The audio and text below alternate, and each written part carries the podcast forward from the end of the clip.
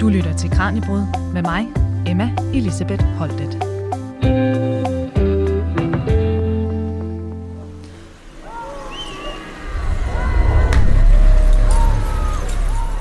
Året er 376. Vi befinder os i det østlige Romerige omkring Donaufloden. Store mængder af goder ankommer til Romerigets grænse fordrevet fra deres hjem af hunderne. De frygtede hunderne, rytterkrigerfolket fra øst, starter en levine af invasioner og magtkampe i Europa, som også folk i Norden bliver påvirket af.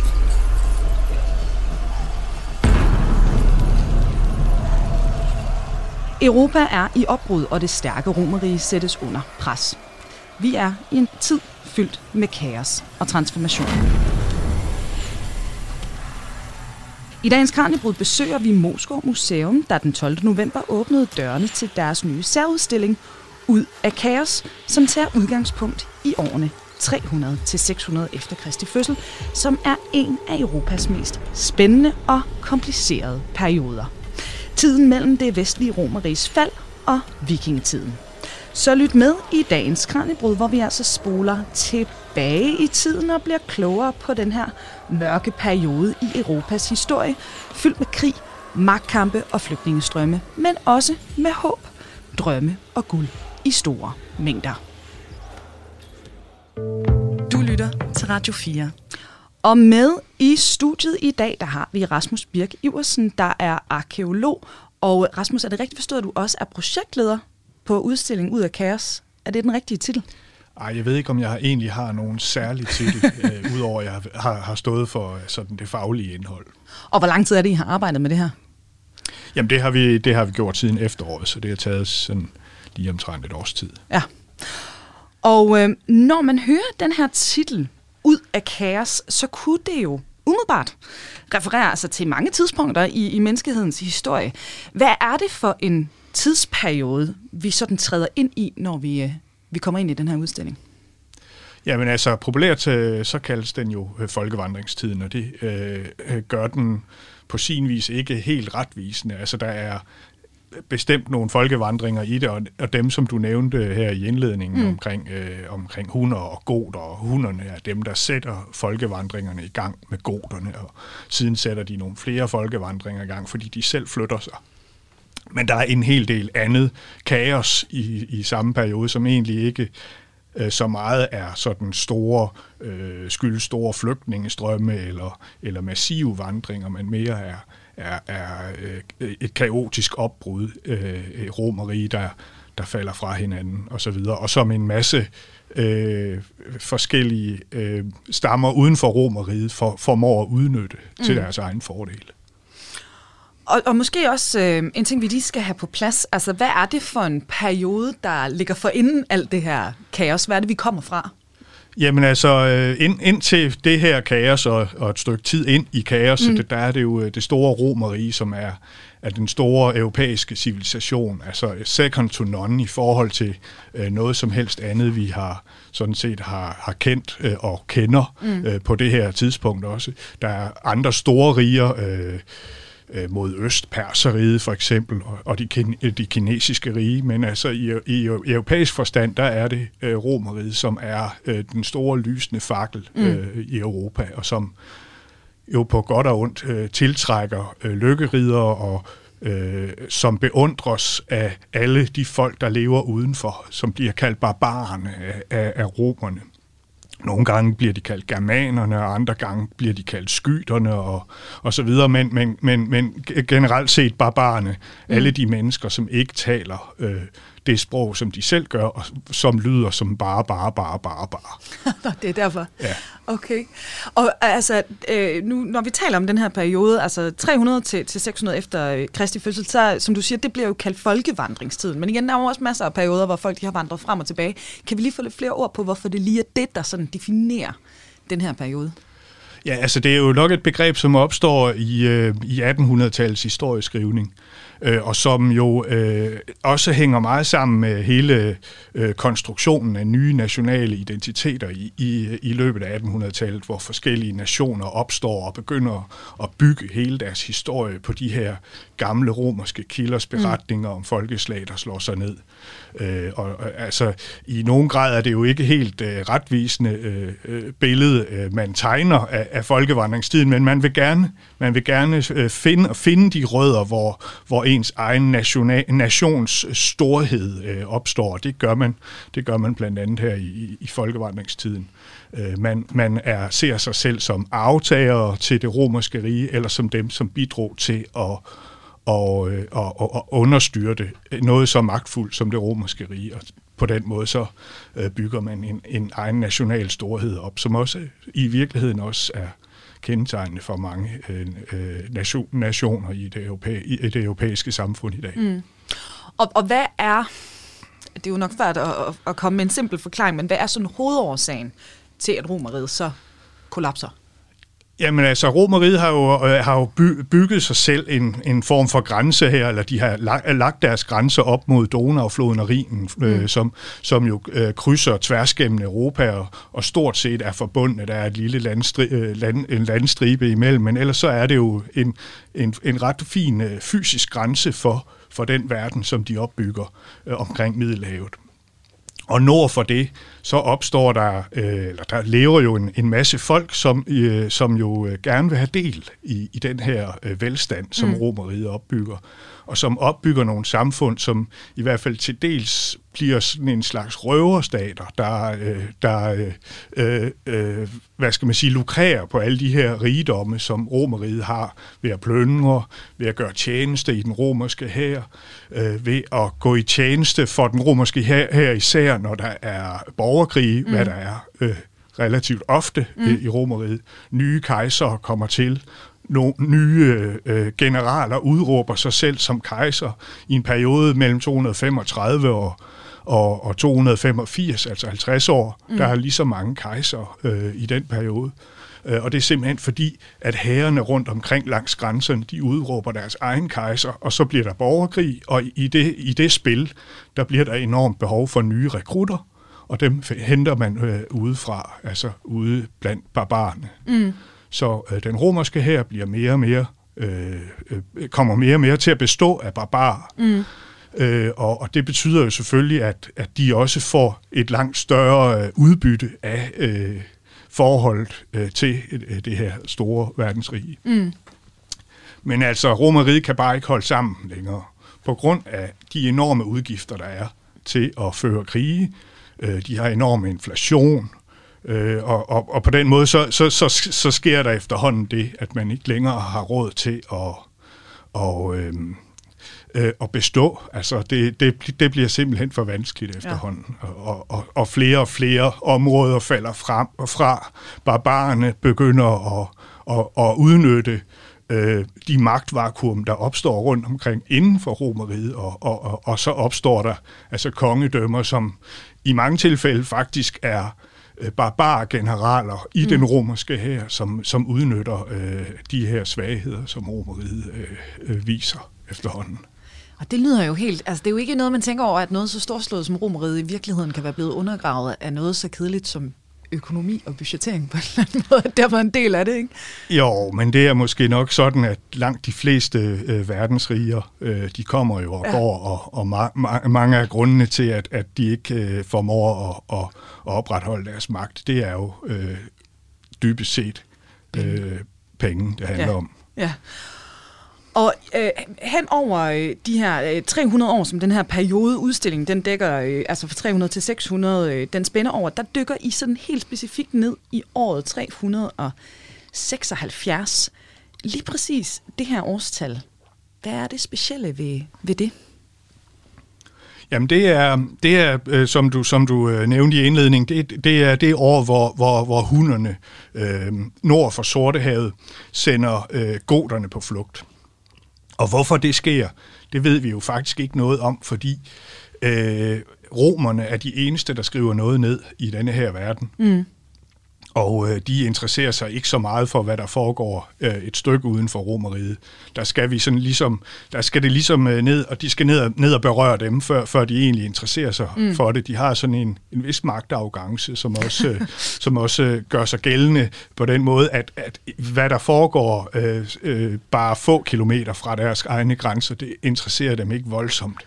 Øh, I hvert fald ikke i forhold til barbarerne, som de ikke, egentlig ikke regner for noget særligt. Mm. Øh, men altså, de her goder, de bliver jo altså sendt på flugt, og det må jo være i, i tusindtal. Øh, og det, det er jo i virkeligheden en konflikt mellem nomader og fastboende bønder. Øh, goderne er fastboende bønder, øh, hunderne er nomader. Mm. Men de kæmper jo om det samme land. Hunderne skal bruge græsningsarealer til deres heste og deres, øh, deres forflokke og så videre. Øh, og goderne, de skal bruge de samme arealer til at, at, at dyrke jorden. Mm. Men altså, øh, goderne kommer i hvert fald på flugt, og øh, det eneste sted, de kan søge hen øh, og, og, og, og være i sikkerhed, det er altså syd for Donau-floden, øh, hvor romerne jo holder til. Og øh, de søger altså så øh, asyl, kan man sige. Og øh, det har romerne sådan set gjort over for andre folkeslag flere gange i, i romerets historie. Mm. Øhm, øh, og de, men, men desværre så går det galt øh, i, det, i det her tilfælde, for, øh, i hvert fald i, desværre for romerne, for øh, de bliver behandlet utroligt dårligt, de her goder, der kommer, øh, der kommer ind i romeriet, og de går oprør. Og to år efter, at de er kommet ind, altså i 378, der øh, kulminerer det hele i et stort slag øh, i, øh, i, i, på det nordlige Balkan ved Adrianopolis, øh, hvor øh, goderne vinder en knusende sejr, og hvor øh, kejser Valens øh, selv dør på slagmarken. Og det er en af de største katastrofer i, i det romerske øh, riges øh, militærhistorie. Øh, og det betyder, øh, det betyder flere års øh, uro øh, mm. på Balkan, hvor efter goderne så får lov at bosætte sig. Og det er faktisk nogle af de her goder, der, der siden øh, som egentlig som forbundsfælder i, i Romeriet sætter sig i bevægelse øh, igen. Faktisk erobrer de Rom mm. i 410 øh, som øh, øh, de første i 800 år. Og derfra så bevæger de sig hele vejen over til, øh, øh, til det sydlige Frankrig, hvor de får lov at bosætte sig endnu en gang af romerne. Men øh, det er ikke nok for dem, så de Øh, I løbet af nogle år så erobrer de øh, øh, Spanien og etablerer det, vi kalder det vestgotiske rige i Spanien, som så varer helt til øh, starten af 700-tallet. Så det er virkelig nogle store bevægelser, der bliver, bliver sat i gang på det, det her tidspunkt. Det, ja. Jeg synes, vi skal videre nu, for jeg synes, vi skal hoppe øh, endnu mere ned i øh, netop hunderne og, og goderne, og også på, på tur til Moskov Museum. Du lytter til Radio 4. Og til nye lyttere her i dagens Kranjebrud, der dykker vi i dag ned i kaostiden fra år 300 til 600. En tid fyldt med invasioner, opbrud og flygtningestrømme. Og med i studiet i dag, der har vi arkeolog Rasmus Birk Iversen fra Måsgaard Museum, hvis udstilling ud af kaos, vi går på opdagelse i nu.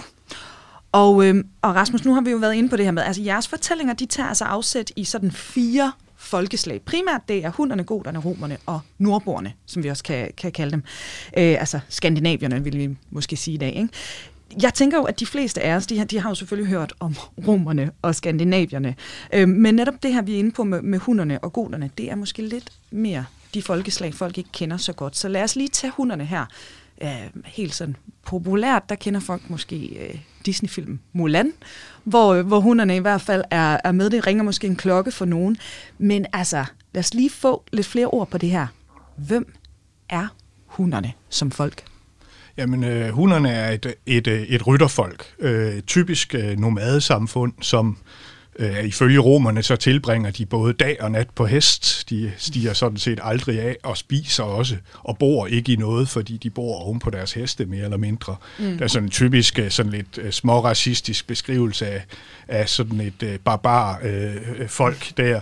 Men altså, men altså, de er i, under alle omstændigheder nomader, og, og de fører krig til hest. Mm. Uh, og, og, de, og de er jo altså temmelig mobile, i, i, fordi de netop uh, uh, uh, er til hest. Og, og, og, og, og, og på den måde er de også et øh, lidt skræmmende syn, fordi øh, øh, romerne har øh, godt nok stødt på andre nomadestammer før. De har sågar også brugt nogle af dem i deres, øh, i deres som, som legesoldater i deres hær øh, på tidligere tidspunkter. Mm. Men de her, de kommer altså åbenbart i så stort tal og, og er så velorganiseret, at de, øh, de virkelig sætter øh, en bevægelse i gang, nemlig med goderne først, og siden også med andre af folkeslag, mm. øh, som vi ikke øh, bruger så meget tid på i, i, i udstillingen. Og der er vel også noget sådan lidt, øh, nu sagde jeg, at folk måske ikke kender goderne og hunderne så godt, men netop hunderne, det er måske nogle af dem, der er lidt mere afbildet i populærkultur, for der er også noget ret sådan vildt og romantisk på en eller anden måde over det her med, at de netop er nomadefolk, ikke? og rytterfolk. Øh, mm. I hvert fald i dag, så virker det måske lidt, øh, lidt mere spændende, hvis man kan have lov til at sige det, end dem, der er bønder eller, eller andre i området. Ikke? Jo, men samtidig er de jo også, og især måske øh, den mest berømte af dem alle sammen, øh, Hunderkongen Attila, som, mm. øh, så, så er de jo også i, øh, i europæisk historieskrivning øh, øh, det store fjendebillede. Og det er det jo, fordi de kommer øh, langt fra, de er ikke europæere, de mm. kommer mm. ud fra, fra stepperne, det er sådan et, øh, et, et, et øh, og de har, en, øh, altså de, de har jo en anden race, og, og hele, det, hele det har øh, i europæisk historie altid været, været sådan en, øh, sådan et, øh, et godt fjendebillede mm. på, på, på nogen, som ikke hørte til. Og hvis vi så tager fat i, i goderne, nu har vi allerede fået, fået nogle, øh, nogle ord på dem. Altså, hvad, hvad er det den her konflikt, vi har været inde på, der, der er sådan centrale rolle, kan man sige, i, øh, i den her fortælling, eller er der også andet, de er, er med til at, at bidrage til? Jamen altså, øh, goderne, øh, de bliver også under, en del af de goder, som ikke når, som ikke når ned i romeriet, mm. det er jo så kun nogle af dem, der, der når at flygte. Ja, de bliver undertvunget af hunderne. Mm. Og, øh, og øh, da øh, hundernes magt bliver brudt, hunderne har faktisk en meget kort historie. Det er faktisk utroligt, at de har sat sådan et aftryk øh, i, i verdenshistorien, fordi øh, 75 øh, år efter, at vi hører om dem første gang, ja, så er de stort set forsvundet igen. Mm. Øh, Attila, han dør på sin bryllupsnat i 453, og året efter, så øh, begår de stammer, blandt andet goder, øh, øh, som, som har levet under, under hans øh, øh, styre, øh, de, øh, går, øh, de, de gør oprør mm. øh, og, og slår hans sønner i et slag øh, øh, øh, på Balkan. Og, og, øh, og, og, og efter det her slag, så er hundernes øh, rolle faktisk øh, stort set mm. udspillet. Og så begynder der at opstå øh, nye kongedømmer øh, omkring øh, de steder, hvor, hvor hunderne har haft deres magt. Og det, her blandt, det er blandt andet øh, et øh, øh, folk, der er beslægtet med goderne, der hedder gebehiderne, og så er det øh, østgoderne blandt andet, som også øh, etablerer nogle kongedømmer. Og det øh, østgotiske kongedømme, det bliver så, øh, flytter sig så siden til Italien og Europa Italien øh, og etablerer et meget kortvarigt øh, stort rige der. Mm. Og min kollega Tine Brink, som altså også er med os her i studiet i dag og øh, er tilrettelægger på dagens udsendelse, hun har jo faktisk været ude og få en rundvisning i udstillingen, hvor hun talte med museumsinspektør Camilla Bjarnø. Satine, jeg tænker, det kan være, at du lige skal fortælle os lidt om, hvad I kiggede på, og øh, så kan vi måske også høre lidt fra jeres samtale ude på museet. Jamen, øh, det vi skal høre nu, det er jo en lille reportage af mig og Camilla, der går rundt i øh, udstillingen. Og vi starter simpelthen ved indgangen, hvor mig og Camilla står og kigger på det her kæmpe hoved af en romer, en skulptur, som ligesom er væltet og så bagefter så bevæger vi os så ind i udstillingen, som er den her kamparena, hvor vi har fire lejre. Altså vi har hunderne, godernes og nordboernes og romernes. Og den første del, vi skal høre nu, den foregår i hundernes og godernes lejr. Så jeg tænker, at vi skal lytte til det. Ja, lad os, øh, lad os hoppe hen til, til Moskov Museum. Hvorfor skulle det lige være den her udstilling?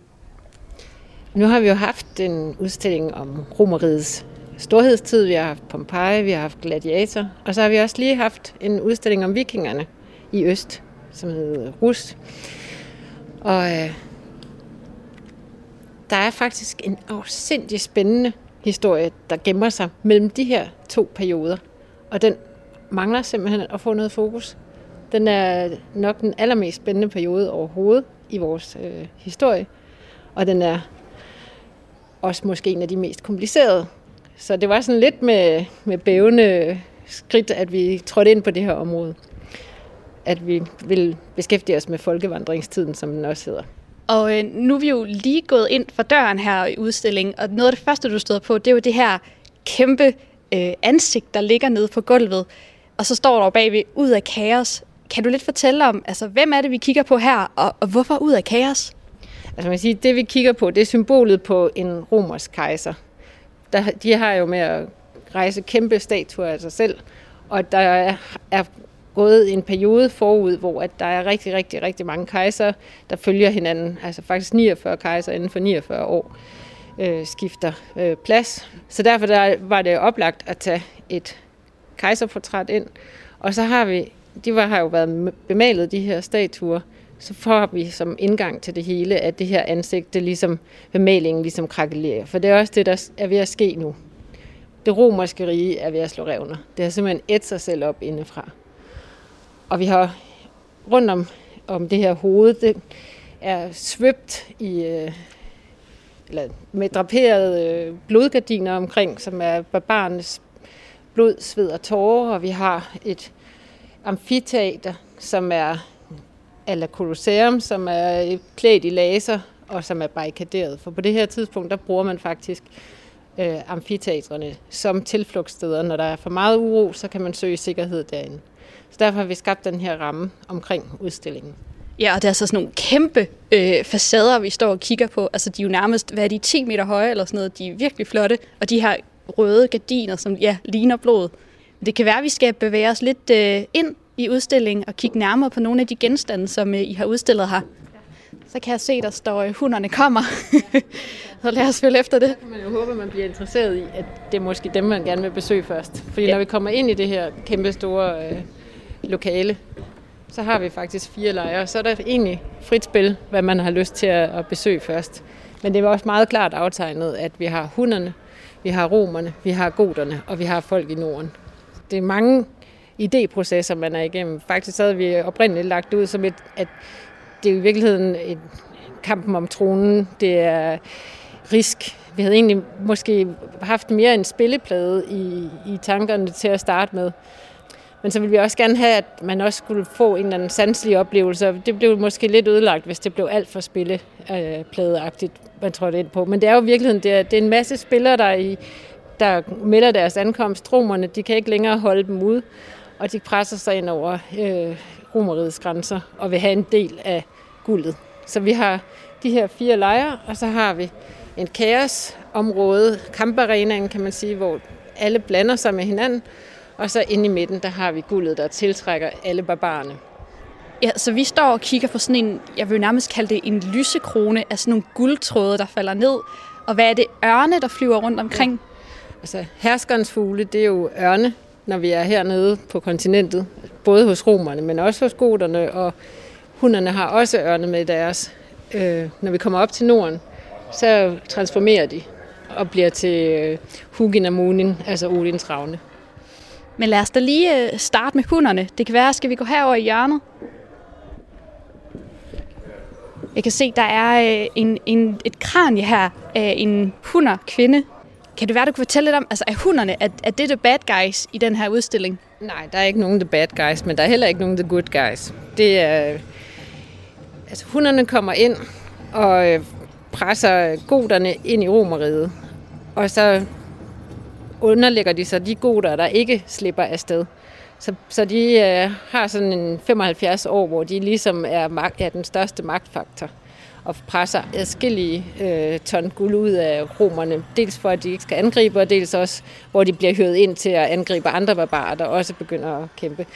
Så de er egentlig, ja, de er måske lidt opportunistiske. Jeg starter med at lave nogle raids, hvor de så får sig mere og mere guld, og så bliver de mere og mere etableret på den, øh, på den her øh, steppeområde. Der er rigtig mange, i Ungarn er der rigtig mange brandhorisonter rundt omkring, hvor man kan se, at de simpelthen er udslettet i en landsby. Men der er også steder, hvor man kan se, at de lever i fredelig samme eksistens, og de bliver øh, begravet på de samme gravpladser. Det er ikke kun hunderne. Altså nu kigger vi på de her kranier, de ser jo faktisk rimelig mærkelige ud. De ligner lidt sådan nogle ja. aliens. Lidt, ja. Fordi de har en, en særlig mode, hvor de allerede fra at børnene bliver født, så binder de hovederne ind, sådan, så de får en, en aflang øh, hovedfasong. Jeg ved ikke, om lytterne kan fornemme det, men der er sådan lidt nogle, nogle baggrundslyde omkring os. Øh, hvad er det, vi hører hen over højtalerne her? det er et, øh, et lydunivers, som er skabt af Søren Bendiksen, hvor at hver lejr ligesom har sin lyd, og at de sammen smelter sammen til det, til det her kaos. Fordi det er jo en tid med flydende identiteter, og en tid, hvor at man, man, man vælger at blive til en ny identitet. Som for eksempel det her skelet, hvor vi har lige her ved siden af, hvor vi har en mand på en 25-30 år. Hans hoved er deformeret, så fra start af har han været under det hundiske øh, dominans. Hans, han har også asiatiske træk, så han er også af hundisk afstamning. Men han har faktisk fået en begravelse, sådan som man ville begrave ham, hvis han var god der.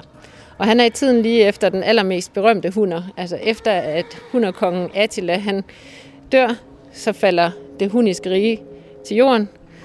Og han, ham her, han har så fået en, en godisk begravelse, altså i tiden efter. Så han er måske i virkeligheden blevet til goder. Du lytter til Radio 4.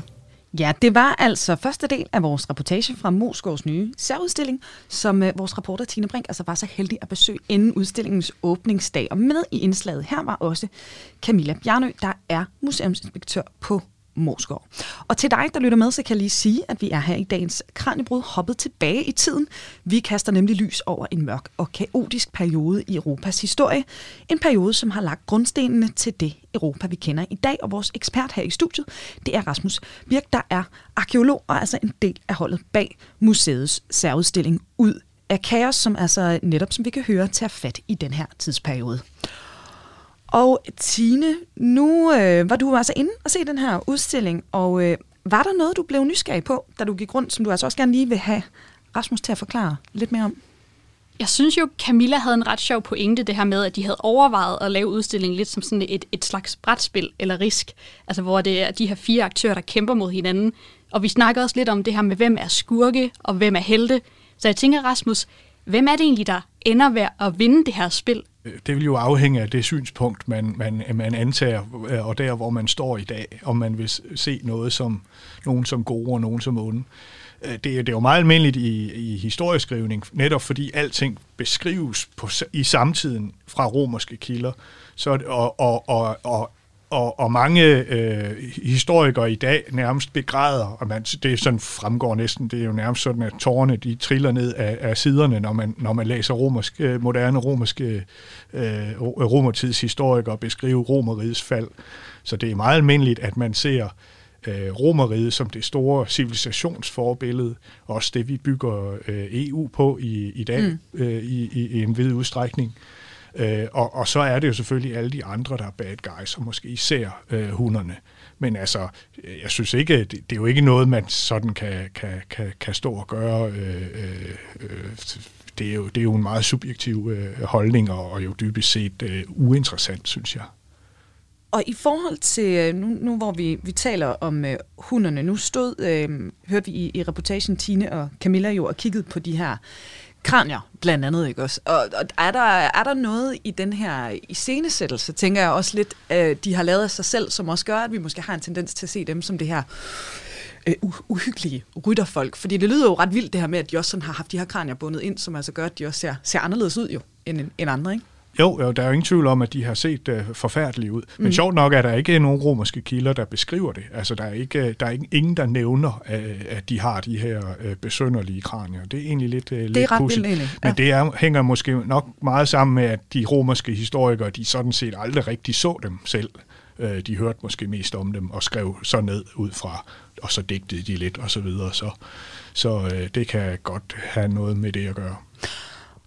Og nu, det her det er jo selvfølgelig en, en ret vild genstand, der ligger inde på, øh, på museet i kraft af, øh, af de her specielle kranier. Men er der, er der andet i udstillingen, der stammer fra, fra hunderne og goderne? Altså er genstande, som du synes, som har, øh, øh, vi lige bør nævne, altså som har en eller anden særlig værdi? Ja, altså øh, noget af det mest eksotiske, det er i virkeligheden øh, de her store bronzekedler, som, som øh, altså jeg, jeg synes, og det kan godt være, det er fordi jeg er arkeolog og ved lidt om arkeologi, at, at, at, at for mig at se, der ser, ser de øh, kinesiske ud i deres øh, mm. udformning. Øh, og, og, og det er altså noget, de bringer med sig, som er, som er helt nyt, og dem finder, er der fundet en hel del af øh, på det europæiske kontinent. Øh, noget andet er, at deres, øh, hele deres, de bringer også en ny stil med sig. Øh, det her med at lægge øh, farvede halvedelstene øh, mm. ind i guld, mm. øh, i det man kalder en croissant-stil, altså hvor en, en stor flade af guld simpelthen er dækket med, med små røde sten. Øh, det er faktisk en måde, som, som de introducerer, og som øh, også efter hunderne fortsætter langt øh, flere hundrede år, øh, fortsætter som sådan en, en meget... Øh, øh, dominerende øh, stil blandt også blandt de øh, øh, folkeslag, som, som lever efter øh, hundernes tid. Mm. Og, og nu hørte vi jo også øh, Camilla her indslaget tale om, hvor, hvor selvfølgelig hvor blodig, hvor spændingsfyldt, hvor voldsom en periode det egentlig er, vi, vi, vi egentlig har med at gøre, øh, når vi taler om, om de her 300 år. Øh, så der er jo selvfølgelig en grund til, at I har valgt at kalde udstillingen netop ud af, kaos. Men kan du ikke lige sætte et par ord mere på, altså sådan helt konkret, hvad, hvad, hvad tankerne var i forhold til lige det her titelvalg? Øh, jo, altså vi vil, vi vil gerne også beskrive, øh, at, øh, at ud af det her kaos, mm. så øh, opstår der jo en, en, en lang række nye øh, kongedømmer, og nogle af de kongedømmer er sådan set også øh, nogle af de kongedømmer, eller i hvert fald øh, nogle grundsten til noget af det, som, som øh, kendetegner det øh, nationernes Europa, som, som vi kender i dag. Og mest, mest det, det bedste eksempel, og måske det eneste sådan virkelig gode eksempel, det er i virkeligheden Frankrig, mm. som jo øh, kom af frankerne, et af de her folkeslag, som havde, som havde størst succes, da romeriet øh, brød sammen. Og jeg tænker, at vi skal hoppe videre nu, fordi nu er det nemlig øh, netop blevet tid til at se lidt nærmere på romeriet og på nordborgerne. Du lytter til Radio 4. Og her i Radio 4's daglige videnskabsprogram Kranjebrud, der dykker vi altså lige nu ned i perioden fra år 300 til 600 efter Kristi fødsel. Og vi er altså også på opdagelse i den aktuelle udstilling Ud af kaos på Moskov Museum, der handler om netop den her blodige, mørke, men altså også håbefulde periode, som vi hører i Europas historie. Og Rasmus Birk Iversen er arkeolog på museet og vores ekspert her i studiet i dag. Og øh, Rasmus, jeg tænker som sagt, vi skal bevæge os øh, videre ind i det her kaos, øh, fordi der er jo altså netop øh, to aktører, eller folkeslag mere, som øh, vi, vi hører, der også bliver fokuseret på i udstillinger. Det er selvfølgelig romerne og nordboerne, som vi har været inde på. Du har jo allerede øh, talt lidt om dem tidligere, Rasmus, men kan du lige sådan kort præsentere, hvem er det, vi har med at gøre her, og, og hvad er deres rolle, altså hvorfor er de vigtige også i den her fortælling? Ja, romerne, de har jo næsten ikke brug for nogen øh, introduktion. Det er jo, altså det er jo den her civilisation, som opstår, mm. øh, altså begynder at udvide sin, sin magt fra, fra Rom og øh, op gennem Italien, og til sidst omkring Kristi fødsel simpelthen øh, øh, dominerer hele øh, øh det sydlige øh, Middelhav, eller hele Middelhavsområdet og, og det sydlige Mellem-Europa med grænser øh, langs øh, Rhin og Donau, og som opbygger en, en enorm civilisation med mm. øh, store offentlige øh, stenbyggede templer og, og amfiteatre og viadukter, som fører vand fra bjergene ind til byerne og brolagte veje mm. og etablerede lønnede hære, som bevogter grænserne og, og, og, og med, med øh, grænseforter og, og, og mure og så videre, som holder øh, de her barbarer, som lever øh, især nord for øh, Romeriet, øh, i skak og, mm. og ude af riget, i hvert fald i det omfang, man, man ønsker det fra, fra romernes side. Så det, det er uden øh, side, øh, sidestykke øh, mm. magten på det her tidspunkt, fra Kristi fødsel og, og de her næsten 400, 500 øh, år frem i ja. tiden. De har lidt at have det i, altså så når de slet, altså ser ned på, på de omkringliggende folkeslag så? Ja, altså, de har jo en opfattelse af sig selv som, de, øh, som, som, det, som kulturfolket, mm. og, og jo længere væk man kommer, de har sådan en, en, en tankegang, øh, som, som man kalder centrum-periferi. Jo længere væk man kommer fra Romeriet, altså jo mere barbariske er øh, barbarerne. Så dem, der bor tættest på, de er næsten som dem, men ingen barbar sådan, som sådan er i stand mm. til at lade sig lede og, og, og leve øh, under statslig kontrol. Det er mm. kun øh, dem selv, der er det. Mm. Og når du, når du så kommer helt op nordpå i, i Skandinavien, jamen så lever mennesker der sammen med alle mulige mærkelige fabelvæsener, mm. øh, som, som, øh, som har kæmpestore ører, som de bruger som dyner, og som øh, spiser græs, mm. og, og så videre, og så videre. Alle mulige mærkelige øh, forestillinger har de om, om, om det høje nord. Og hvem er nordboerne så, altså på det her tidspunkt? Jamen altså, nordboerne, det er jo i virkeligheden en betegnelse, som vi har, har fundet på øh, mm. for at omfatte øh, Skandinavien. Øh. Og det er jo altså den verden, som ligger længst øh, fra Romeriet, men som alligevel på en eller anden måde er en, er en del af, af det he, hele det her store system, øh, som går helt ned til, til Romeriets grænse. Altså hvor, øh, hvor de her øh, barbarstammer, de... Øh, dels øh, dyrker jorden, men også forsøger at, at udnytte alle de her svagheder, som, som gang på gang opstår i romeriet, og som, som har et enormt behov for at, at skaffe produkter fra, fra romeriet, glas og bronzer og mm. alle mulige øh, og guldgenstande, øh, som de, som de, øh, som de øh, er meget, som er meget eftertragtet, helt op øh, til det nordligste Norge for, øh, og, og, og helt ned til den romerske grænse. Mm. Men altså et folk som romerne simpelthen har haft, øh, lad os bare sige det mildt, en hel del vilde forestillinger omkring, altså som jeg hørte dig fortælle. Ja, altså ikke, ikke et folk, men, ja. men formentlig temmelig mange, mange folk. Mange folk, ja. ja. Lad os hoppe tilbage nu til Moskov Museum og høre anden del af reportagen, hvor vores reporter Tine Brink, altså, øh, som altså også er med i studiet i dag, taler med museumsinspektør Camilla Bjarnø altså, jeg bliver hele tiden fanget af det her virkelig flotte guld. Ja. Det kan være, at vi også lige øh, skal kigge lidt på det. Det er noget med en konges gave, står der. Ja, altså det er jo de her kæmpe mængder af guld, der er i omløb, og som bliver givet. Og det her, det er faktisk efter hunderne, de er blevet fejret af banen, og så er det så gepiderne og goderne, der har overtaget øh, magtpositionen. Og det her, det er en, en gave, som man, de har fået fra den byzantinske kejser. Det er simpelthen øh, det er 19 kilo guld, det er jo kun en brøkdel af, hvad der var. Altså, der har i hvert fald været 22 genstande før.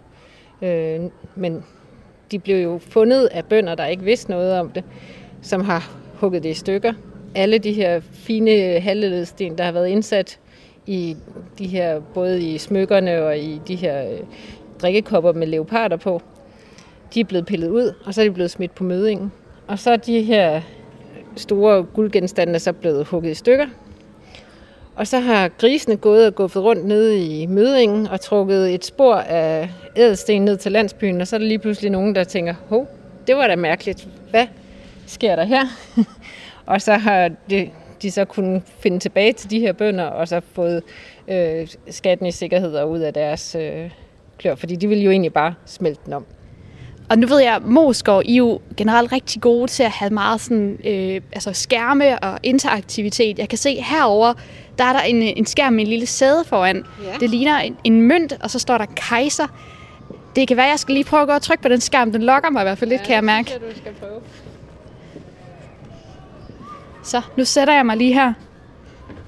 Og så trykker vi start. Hold da op, nu kom der blod på skærmen hen over mønten. Så tryk her. Bliv den nye kejser, står der. Tag et billede og få dit ansigt på en mønt. Og der kom min mikrofon simpelthen også med i billedet. Jeg kunne forstå, noget af det, I også fokuserer meget på i jeres udstillinger, det er jo også, at altså, det, skal, det skal ramme en bred målgruppe. Ja. Det her er jo meget sjovt for børn. Altså, hvordan får man egentlig børn til at interessere sig for sådan en udstilling her? Jamen altså, nu er det jo et rigtig frygteligt, frygteligt emne, vi har valgt. Og det, det er faktisk ikke velegnet til børn. Det, det, er ikke en, det er ikke en rar historie, og der er ikke, det er ikke de gode, der vinder til sidst heller. Altså, det, det er faktisk ondt med ondt på. Men vi har så prøvet med lidt humor at se, om vi kunne øh, gøre noget ved det her. Sådan, så det er stadigvæk, altså fordi det er jo også en vigtig historie at fortælle, og man skal jo ikke kun fortælle alle de gode historier, man skal også fortælle, når det er frygteligt. Og krig er jo frygteligt, og hvis vi kunne blive enige om alle sammen, at krig, det er ikke noget, vi gerne vil have, så kunne det jo også være, at der var lidt mere fredeligt i verden. Så vi, øh, vi har valgt alligevel ikke at lægge fingrene imellem, men så til gengæld bruge nogle tricks, som for eksempel med den her øh, kejserinstallation, hvor du i virkeligheden, så afsætter du som du også sagde, der var kommet lidt blod på skærmen. Altså, det er jo faktisk en blodig affære, når du afsætter den foregående kejser. Men du kommer jo selv op og trone over hele udstillingen bagefter. Så der er jo også en, kan man sige, en... Øh... Den nye kejser er født, ja. ja. Det kan være, at jeg lige skal nævne for lytterne. Altså nu har vi jo besøgt goderne, og vi har besøgt øh, hunderne, og vi har været hen og kigge på romernes skatte. Og nu er vi altså bevæget os op i Norden. Ja, Norden, den er, altså den, det beskrives som øh, på kanten af verden, og en, verden af is, og hvor der bor kæmper. Altså så hvis man tænker Game of Thrones, så er det faktisk på den anden side af, af muren, vi er, befinder os. Øh, men det er jo ikke helt sådan, verden i virkeligheden ser ud. Det har vist sig, at eller, der, vi har hele tiden vidst, at der var stærke forbindelser til Romeriet, men det viser sig også, at man faktisk også er taget fra Skandinavien og har været nede og deltage i de her kamphandlinger og vagtkampe nede på kontinentet. Og det har vi nogle rigtig gode øh, eksempler på her. Vi har så også et frygteligt eksempel med Sandbyborg, borg på en ø i Sverige. En ø, der hedder Øland, hvor at der har været øh, enormt rigt i lang tid, og de har stærke forbindelser til Romeriet. Man har oven i købet bygget en borg, der er inspireret af netop de her øh, amfiteatre, og alle bliver slået ihjel her. Altså det er simpelthen, det der sker, det er, at den magtforskydning, når Romeriet kollapser, så mister de deres stærke allierede, deres guld, øh, strømmen af guld til Øland, den stopper. Og så er der nogle andre, der ser deres snit til at overtage. Og det er i virkeligheden, sådan kan man sige, et meget brutalt billede på, hvad er det egentlig, der sker, når den stærke dreng i klassen ikke længere kan styre det hele. Skal vi øh, bevæge os hen til den sidste del af udstillingen? Se, nu kommer vi til at gå på noget. Det ligner jo nærmest sådan noget vand på gulvet, der bevæger sig. Altså, det er noget lys. Hvad, kan du fortælle, hvad det skulle forestille? Ja, det skal simpelthen forestille havet. At nu sejler vi ud, og vi er bevæger os mere og mere over imod øh, vikingtiden, kan man sige. På det her tidspunkt, der har man fået en masse krigerkongerier rundt omkring, inklusive i Norden. Og i Norden, der bruger man dels sådan nogle ringe, som man, eller det gør man faktisk også i Europa, sådan nogle ringe, hvor kongen han øh, sætter en ring i sin hirtsmands svær, og så er han simpelthen øh, svoret til ham. Og så her til sidst, så kan jeg se, at der er sådan en, øh, det ligner en lille strand, og så er der noget vand, der skulper op, og så simpelthen et billede af ja, Europa, men det er ikke helt det Europa, man måske kender. Hvad står der? Året 399 efter Kristi fødsel. Kan du fortælle lidt om det kort her? Vi har det her kort, hvor vi har det østromerske rige og det vestromerske rige, og så skyller bølgen ind over. Og så går der lige et par hundrede år, og vi kan nå op til 526, og så ser man, hvordan så riget så ud nu, og så kan man se, at det er blevet til en masse små eller mindre kongeriger, i stedet for det store kejseri. Og det, vi egentlig ville med det her kort, det var egentlig bare at sige, der var engang, det var et stort rige, og nu er det blevet en masse små nationer. Så ud af kaos, så fik vi altså noget af det, øh, vi genkender i dag. Ja. Du lytter til Radio 4. Fortalte her Camilla Bjarnø til vores reporter Tine Brink om udstillingen ud af kaos på Moskov Museum, der altså dækker årene 300 til 600 efter Kristi fødsel i Europa. Og øh, Tine, du må lige forklare lidt mere om, altså hver af de her befolkningsgrupper, de har simpelthen deres egen lejr i den her udstilling, som vi har hørt. Kan du ikke lige prøve at male et billede for os af, hvordan det er at være inde i den her oplevelse? Hvis I forestiller jer lidt sådan en øh, kampplads, som øh, Camilla også nævner, mm. og så har man de her fire lejre, og så hver lejr har ligesom en, en farve tilkoblet, så romerne, de er ligesom det her røde, øh, og som det her røde tæppe, vi så, da vi gik ind i udstillingen, og så har vi hunderne, som er de grønne græsstepper, og så går vi over til goderne, som er mere de her lilla nuancer, fordi de har både tråde til Norden og til romerne, og rød og blå giver jo lilla sammen, og så til sidst bevæger vi os op i det blå område, som er Norden, eller nordboerne i hvert fald. Mm. Og den her kamparena, inde i midten af den, der har vi alt guldet, den her lyskæde, som jeg snakker om, så de her guldtråde, der kommer ned fra loftet. Så det er ligesom her, kaoset samles inde i midten. Og altså, nu taler vi netop om det her med, med guldet, sådan i midten af, af udstillingen. Rasmus, hvorfor er det her guld så vigtigt i den her fortælling? Og du har også hævet et billede op, kan jeg se, af noget, af noget guld her i, i studiet. Ja, det er jo så den her skat, som, der, som blev hugget i stykker, da den blev fundet øh, i 1837. Men, øh, og den er, den, det, er, det er folkevandringstidens øh, største øh, guldskat. Mm. Øh, og øh, det spændende ved den er i virkeligheden, at på en af de guldringe, en, en halsring øh, fra fundet, der er der øh, en runeindskrift på. Okay, ja. Øh, og den runeindskrift, der står der øh, Gutaniovi Heilag, og det skulle gerne betyde noget i stil med, at den var videt til godernes øh, hersker, eller godernes øh, øverste gud. Og altså Gutani, det er goderne, og Heilag helliggjort eller viet til. Så, øh, så altså, vi ved med sikkerhed, at den her skat, den har været i hænderne øh, på nogle goder. Og, og, og det her guld, det er fremstillet i øh, de største og fineste værksteder, formentlig i Konstantinopel blandt mm. andet, altså øh, det østromerske riges fineste guldsmedeværksteder. Øh, og, og, og derfor må vi formode, at det er en gave, som er blevet givet, formentlig fordi, at goder har afpresset det romerske rige og har fået det her som en form for alliancegave, eller for at, at smutte hjem igen. Og, øh, og, og det er i virkeligheden et godt billede på hele det her univers, som mm. udspiller sig. Altså, øh, man, man er opportunister, og man, man, øh, man går simpelthen efter guldet. Men altså i århundrederne fra omkring Kristi fødsel, da romeriet etablerer sig ved de grænser, de har, der, der opstår der jo lynhurtigt et, et system, og der er det ikke kun guld, der er det også bronzer, og det er alle mulige andre genstande, glas øh, og så videre, mm. som, som, som, som, som ryger ud af romeriet og op øh, nordpå og helt op øh, i Skandinavien. Men efterhånden så mister nogle af de her andre genstandstyper, de mister lidt deres øh, relevans.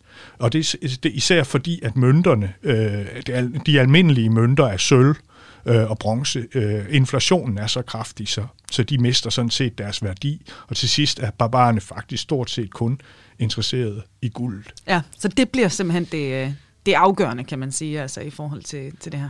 Ja, det, ja. Er, det, er, det er simpelthen billedet på, mm. det er billedet mm. på, på grådighed og, og begær. Ikke? Ja, og, og vi er, øh, tiden går hurtigt altid her i Kranjebrud Studios, vi er faktisk allerede ved at nå til enden her på, på dagens program, men, men inden vi slutter, så vil jeg altså gerne lige høre, Rasmus, Øh, sådan det gyldne spørgsmål, hvis vi skal opsummere her.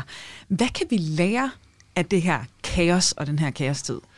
Ja, altså det er, jo, det er jo et godt spørgsmål, fordi måske står vi selv over for en, en ny kaostid mm. med global opvarmning og med krig i Østeuropa eller i, øh, i Ukraine og så videre.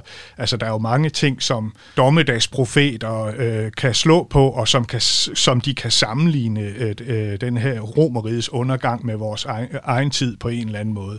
Det spørgsmålet er, øh, hvordan man skal drage læresætninger af det. Mm. Fordi enhver øh, historiker øh, ved, at øh, romerigets undergang det kan have skyldtes et hav af forskellige årsager. Der øh, var en tysk forsker, der for nogle år siden øh, regnede ud, at der, eller havde læst litteraturen grundigt igennem og fandt mere end 200 forskellige årsager til, øh, hvad forskers bud var på, øh, hvorfor øh, romeriet gik under. Mange af dem minder om hinanden, og, det, og mange af dem går jo netop på det her med barbarerne, med inflationen, også med kristendommen, som mm. jo bliver indført på det her tidspunkt, og som også får et meget fast greb i, i folk, og som også... Øh, øh, som jo faktisk er noget af det, som føres videre op i middelalderen, også med det her lidt formørkede kristendomssyn, mm. hvor, hvor der ikke er plads til nuancer i, i troen, og hvor man jo slår hinanden ihjel for et godt ord, bare fordi man ikke lige tror på den helt samme udlægning af, af, af kristendommen mm. som, som andre, og, og jo også forfølger øh, for eksempel muslimerne. I dag er, er, er, er billedet så vendt, vendt lidt om, så det er spørgsmålet, hvad kan vi egentlig lære af det? det, øh, det øh, vi vil jo så gerne lære af historien, og det er jo også en af de... Øh, også en af de grunde til, at vi studerer den, øh, og, og, og hævder, at det er vigtigt at studere den. Men jeg, jeg, jeg tør simpelthen ikke at drage nogen øh, større læresætninger ud af, af Romeriets undergang. Det er simpelthen for kompleks en historie til, at man, man sådan kan lave enkle konklusioner. Så vi kan konkludere, det er en spændende periode, men altså simpelthen også så vild og kompleks, at, øh, at det der med at tegne et forsimplet billede, det skal man i virkeligheden passe på med. Ja, det vil jeg synes, ja. Ja. Så hvad tænker du, altså hvis du nu skulle, øh, skulle vælge sådan øh, en, en undertitel på en eller anden måde, altså hvad synes du selv som, som arkeolog er det, er det mest spændende? Fordi der er jo så netop så mange forskellige tråde i det her, som vi har været inde på i, i dag. Hvad, hvad er bare sådan helt subjektivt for dig det fedeste i den her fortælling? Jamen, jeg synes at i virkeligheden er folkevejningstiden øh, den mest øh, spændende historiske periode overhovedet i Europas historie, fordi at noget, som man på, på, den, på den gang troede ville bestå for evigt, mm. Øh, det kollapsede i løbet af måske 100, 200, øh, max, maksimalt 200 år i virkeligheden mindre. Øh, og og øh, sådan noget, altså det, kan, det skal vi jo heller ikke, det skal vi ikke uh, bilde os selv ind, at det heller ikke vil kunne ske igen. Og øh, det er altså netop det her, man kan blive meget klogere på, hvis man øh, går ind og oplever udstillingen ud af, af kaos. Det bliver simpelthen det sidste ord her i dagens program. Rasmus Birk Iversen, tusind tak, fordi du ville komme forbi her i dag. Jamen, øh, det var en fornøjelse. Og til dig, der lytter med, husk, at du kan altid lytte til Kranjebrud alle hverdage her på kanalen. Det er kl. 12.10. Øh, ellers så finder du os selvfølgelig også inde i din podcast-app. Og vores guide igennem historien her i dag, det var altså arkeolog Rasmus Birk og museumsinspektør Camilla Bjarnø, der altså begge er ansat ved Moskov Museum. Mit navn, det er Emma Elisabeth Holtet, og med i studiet i dag var også vores reporter og tilrettelægger Tine Brink. Og øh, det var også Tine, der stod for dagens reportage. Nu er der ikke andet tilbage end at sige tak, fordi du lyttede med og på genhør. Programmet er produceret af Videnslyd for Radio 4.